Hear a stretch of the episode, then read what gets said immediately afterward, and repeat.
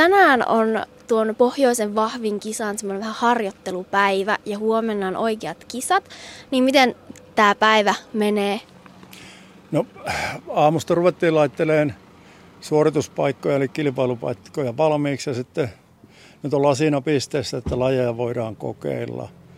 Ja tuota, huomisen tulevan kilpailun osallistuja on tullut paikalle ja ne, he haluavat kokeilla lajeja. Siinä nyt on jo niin kutsutusti täysi tohina päällä. No, tiedätkö vielä, että paljonko huomenna on osallistujia?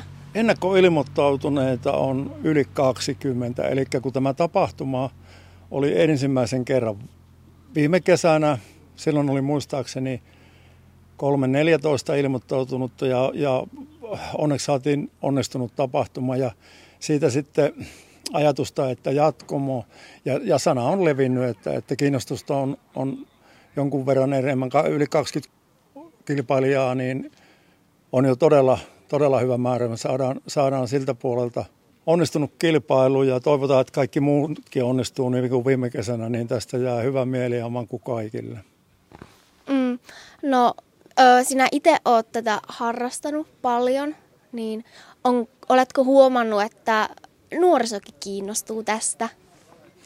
No joo, toki, toki siis liikunnasta ja, ja tuota, voimailusta ja tällä niin, niin kyllä nuoriso on kiinnostunut. Se monesti on niin, että kuinka pitkälle halutaan jatkaa, niin, niin sitten on, on vähän ympäristöstä ja ohjaamisesta ja tämmöistä kiinni, mutta, mutta kyllä kysyntää on. Me ollaan Utsalla Suomen pohjoisemmassa kunnassa, kuntakeskuksessa ja täältä on vähän pitkä matka joka paikkaan tai toisinpäin.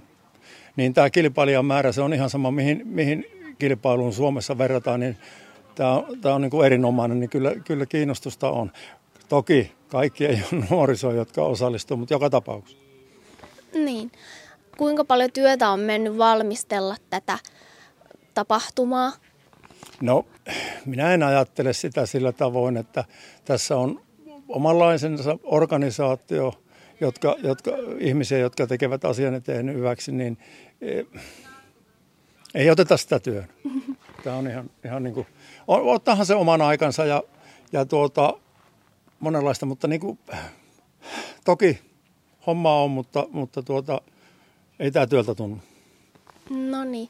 Mitä odotat huomisilta kisoilta?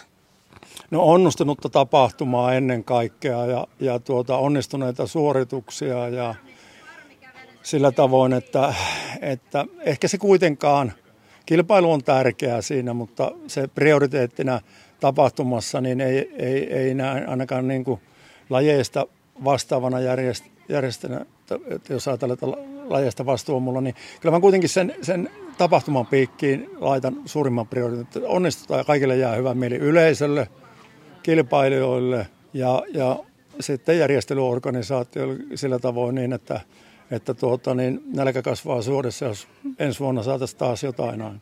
Kiitos paljon Martti Kyrä. Kiitos.